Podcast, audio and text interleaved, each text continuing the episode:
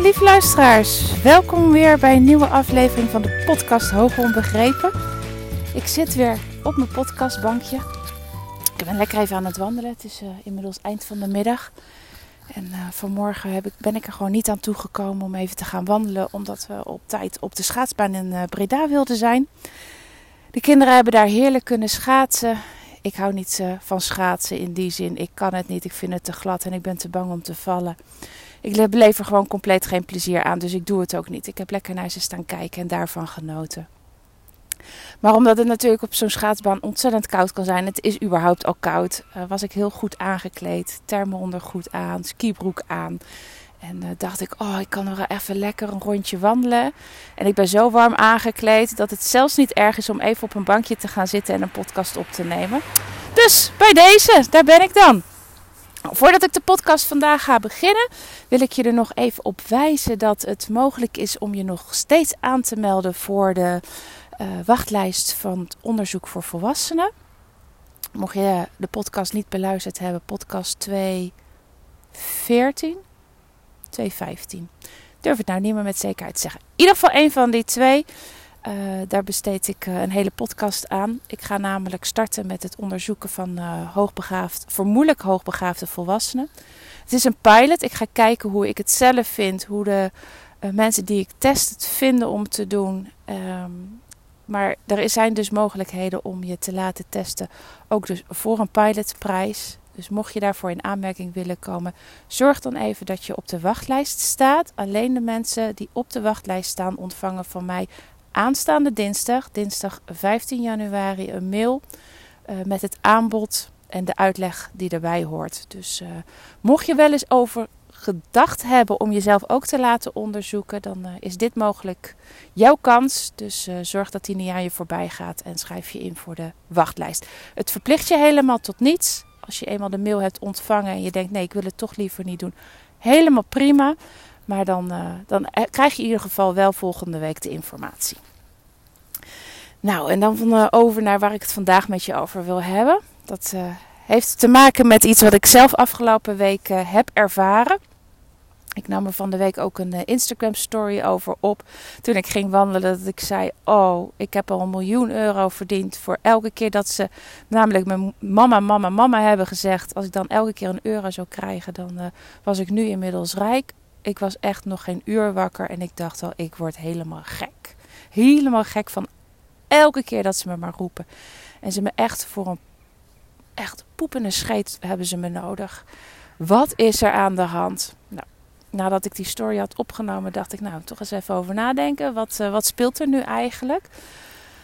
Want het is echt, en ik vond het echt in extreme mate dat ik continu geroepen werd voor iets wat niet lukte, wat ze niet konden vinden, wat ze nodig hadden. Waarvan ik echt regelmatig dacht van oké, zou je niet eerst even zelf iets gaan proberen? Oké, is het niet zo dat je dit prima zelf had kunnen oplossen? Waarvoor moet je in vredesnaam mij erbij halen? En zo ging het de hele dag door. Uh, tenminste, al een paar dagen was, speelde dit ja, ik, heb, ik moet zeggen dat we toen we in Spanje waren, ik er minder last van heb gehad. En misschien ook wel omdat er dan, ja, het leven is dan gewoon een stuk simpeler. Hè? Je hebt minder in huis, uh, er hoeft minder gezocht te worden. Uh, we hebben ook gewoon niet zo heel veel gedaan. Dus ze hebben me dan ook minder nodig. Dus dat snap ik ook wel. Maar uh, ja, vanaf het moment dat we thuis kwamen, dacht ik: wow, wat is hier aan de hand? En uh, nou, tijdens het wandelen dacht ik: ja, Eigenlijk is het heel simpel. Um, ik heb het zelf veroorzaakt. Want wat ik doe, met name als het druk is of als ik vooral als ik rust wil. Nou ja, dan kan je voorstellen als je alleen met vier kinderen in de auto terug moet rijden. Uh, alles elke keer weer in moet pakken, weer uit moet pakken. Uh, nou, moet zorgen dat iedereen gegeten, gedronken heeft. Ja, dan ben ik iemand die heel snel dingen uit handen neemt. Want dan denk ik, kan het beter even zelf doen. Dan hebben we geen gezeur. Uh, ze hoeven maar een kick te geven of ik regel het wel voor ze.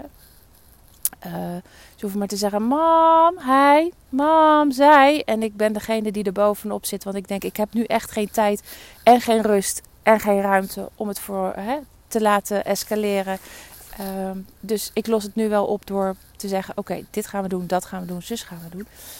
Ja, en daarmee werk ik dus hun gedrag zelf in de hand. En er is niemand anders daar verantwoordelijk voor behalve ik. Nou ja, daar was ik dus uh, tijdens mijn wandeling vlot uit. En toen dacht ik: oké, dat betekent ook weer dat ik zelf aan de bak moet. Um, ja, dat betekent dat ik gewoon ze veel meer in hun eigen sop moet laten gaarkoken. Uh, op mijn handen gaan zitten, niks doen en afwachten. En zodra ik thuis was, ben ik dat ook gewoon gaan doen. Want mijn kinderen, die reageren alleen maar, en dat geldt voor jouw kinderen net zo goed, die reageren gewoon op wat er gebeurt. Dus op het moment dat jij dit herkent, dan is de kans heel groot dat jij het zelf in de hand hebt gewerkt. En dat is misschien even niet zo leuk om te horen. Ehm, maar soms is het wel even noodzakelijk. Als je namelijk verandering wil. Jij als ouder kan je klok erop gelijk zetten dat jij degene bent die dit veroorzaakt heeft. Als je dit herkent ook bij jouw eigen kinderen. Dat ze je continu nodig hebben, continu een beroep op je doen, terwijl je denkt: dit had je zelf met gemak kunnen oplossen. Of hier had je mij helemaal niet voor nodig gehad als je even moeite had gedaan. En het mooie is, zodra je beseft dat jij verantwoordelijk bent, dat de oplossing ook heel snel gevonden is. Want als jij met jouw manier van reageren dit ja, voor elkaar hebt gekregen, dit bewerkstelligd hebt, dan ben jij ook degene die het weer kan omkeren. En dat omkeren, dat is echt zo gebeurd. Dat is, hoeft absoluut niet moeilijk te zijn. Het enige wat je moet doen op het moment dat je het doorhebt, is ander gedrag gaan vertonen. En dat betekent dat jij lekker achterover mag gaan leunen. En dat je het gewoon elke keer bij ze terug mag gaan leggen. En dat, ja, zo heb ik het afgelopen week ook gedaan. En uh, nou ja, in no time uh, is het opgelost. Het was een heel mooi voorbeeld. Um, onze jongste dochter die ging met mij mee boodschappen doen, maar ze had geen zin om te wandelen. Ik zei, nou ja, prima, je hoeft van mij niet te wandelen. Ze zei, nee, want dan ga ik het liever op de fiets. Nou ja, dan ga jij toch op de fiets, helemaal prima.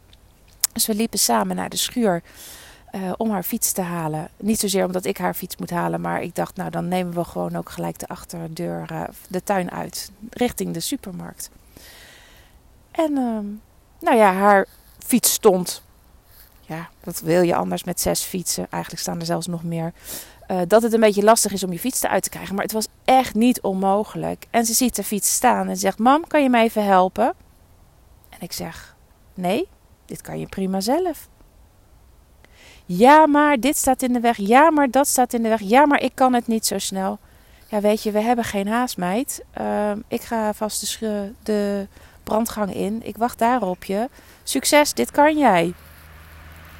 Nou, gemopper, gemopper, gemopper. Toen kreeg ze allemaal een stukje. Nou, oké. Toen zakte het mopperen weer. Uh, toen moesten de tenminste, ze moest helemaal niks. Ze had hem natuurlijk ook achteruit eruit kunnen rijden. Maar ze wilde per se hem uh, gedraaid hebben. Nou, er stond er natuurlijk een andere fiets voor in de weg. En toen werd ze boos. Ja, en het lukt helemaal niet. En, uh, en ik denk, nee, ik ga haar niet helpen. Want als ik er nu help, dan stap ik weer in precies dezelfde valkuil. En ik wil juist uit. Ik wil dat ze dit soort dingen zelf doet. Want ook dit was echt niet iets wat ze zelf niet kon oplossen. Ze moest alleen even moeite doen en ze moest nadenken. Dus ik uh, bleef wachten. Het, mooie daarvan ook is, is op dat moment had ik ook gewoon alle tijd. Weet je wel, je hebt geen tijdsdruk. Je hebt, uh, misschien moeten we ook gewoon wat minder tijdsdruk met z'n allen er gaan ervaren. Maar uh, ik dacht ook, weet je, of ik nu, nu boodschappen doe over 10 minuten of over een half uur, het maakt niet uit. Laat maar even. Dit moet gewoon nu gebeuren. Want als ik nu niet doorpak, dan kom ik hier niet doorheen. Nou ja, en uh, zij werd steeds bozer en bozer en bozer. En toen dacht ik, ja, weet je, maar daar heb ik geen zin in. Ik wil niet dat het zodanig escaleert.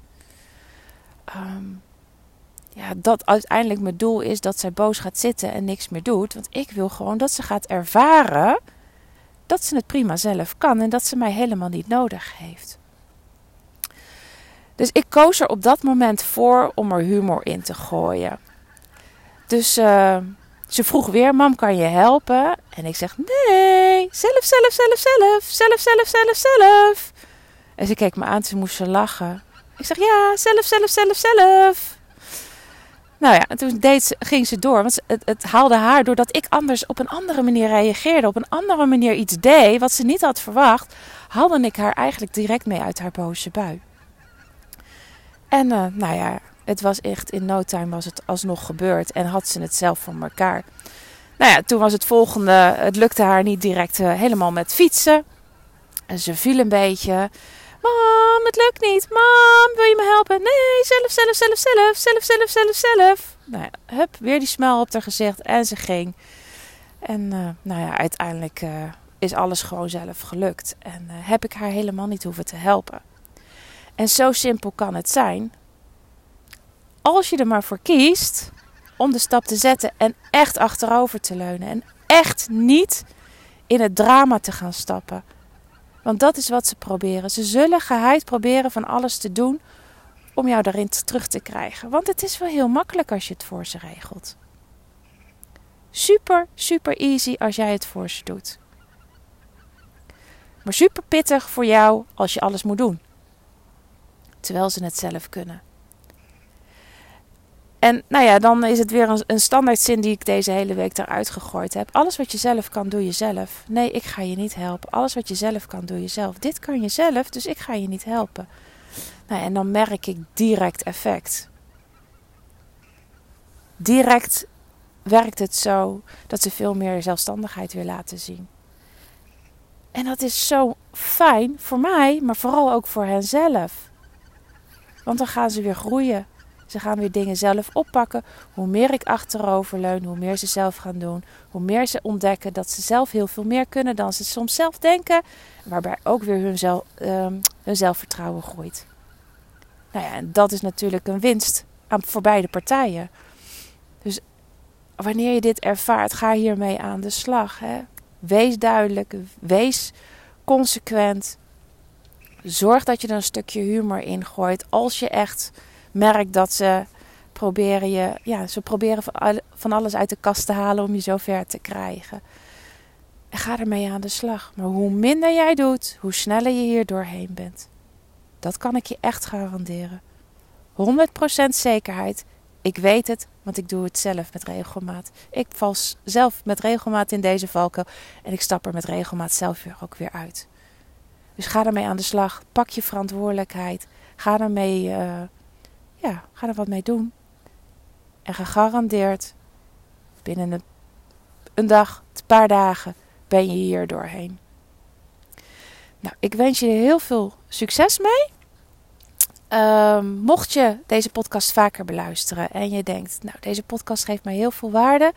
Ik denk ook dat andere ouders hier uh, waarde uit kunnen halen. Zou je dan alsjeblieft de podcast willen beoordelen? Want hoe hoger de beoordeling, hoe makkelijker die in Spotify gevonden wordt door andere ouders.